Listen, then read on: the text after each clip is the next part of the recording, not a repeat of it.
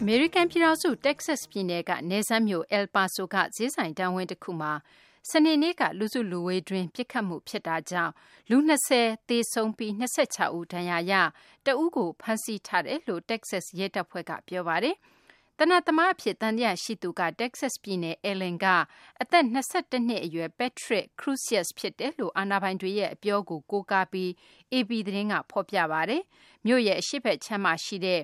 Cielo Vista Mall ဈေးဆိုင်တန်းအဆောက်အအုံအနီးနဲ့ Walmart ဆိုင်အနီးမှာ ပစ်ခတ်မှုဖြစ်တယ်လို့ ဒေသစံတော်ချိန် မနက်ပိုင်း ၁၀ နာရီခွဲလောက်မှာ ရဲတပ်ဖွဲ့က ဖုန်းခေါ်ဆိုမှုတွေ လက်ခံရရှိခဲ့တာပါ။အရောင်းဆိုင် ဝန်ထမ်း ၁၀၀ နဲ့ ဈေးဝယ်သူ ၁,၀၀၀ ကျော်ရှိနေတဲ့ Walmart မှာ ပစ်ခတ်မှု အများဆုံး ဖြစ်ခဲ့တယ်လို့လည်း El Paso ရဲဌာန ပြောခွင့်ရ Robert Gomez က ပြောပါတယ်။အားလပ်ရက် အခွန်သက်သာခွင့်ကြောင့် မကြာခင် ကျောင်းတွေ ပြန်ဖွင့်တော့မှာ ဖြစ်တဲ့အတွက်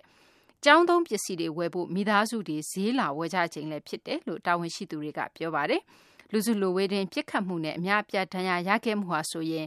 El Paso မြို့မှာ မယုံကြည်နိုင်စရာ အဖြစ်လို့လည်း ရဲတပ်ဖွဲ့ ပြောခွင့်ရက ပြောဆိုပြီး ဒဏ်ရာရသူ အများအပြားက အသက်အန္တရာယ် စိုးရိမ်ရတယ်လို့လည်း သူက ပြောပါတယ်။ရိုင်ဖယ်နဲ့ ပစ်ခတ်ခဲ့တာလို့လည်း ရဲတပ်ဖွဲ့ ပြောခွင့်ရက ပြောဆိုထားပါတယ်။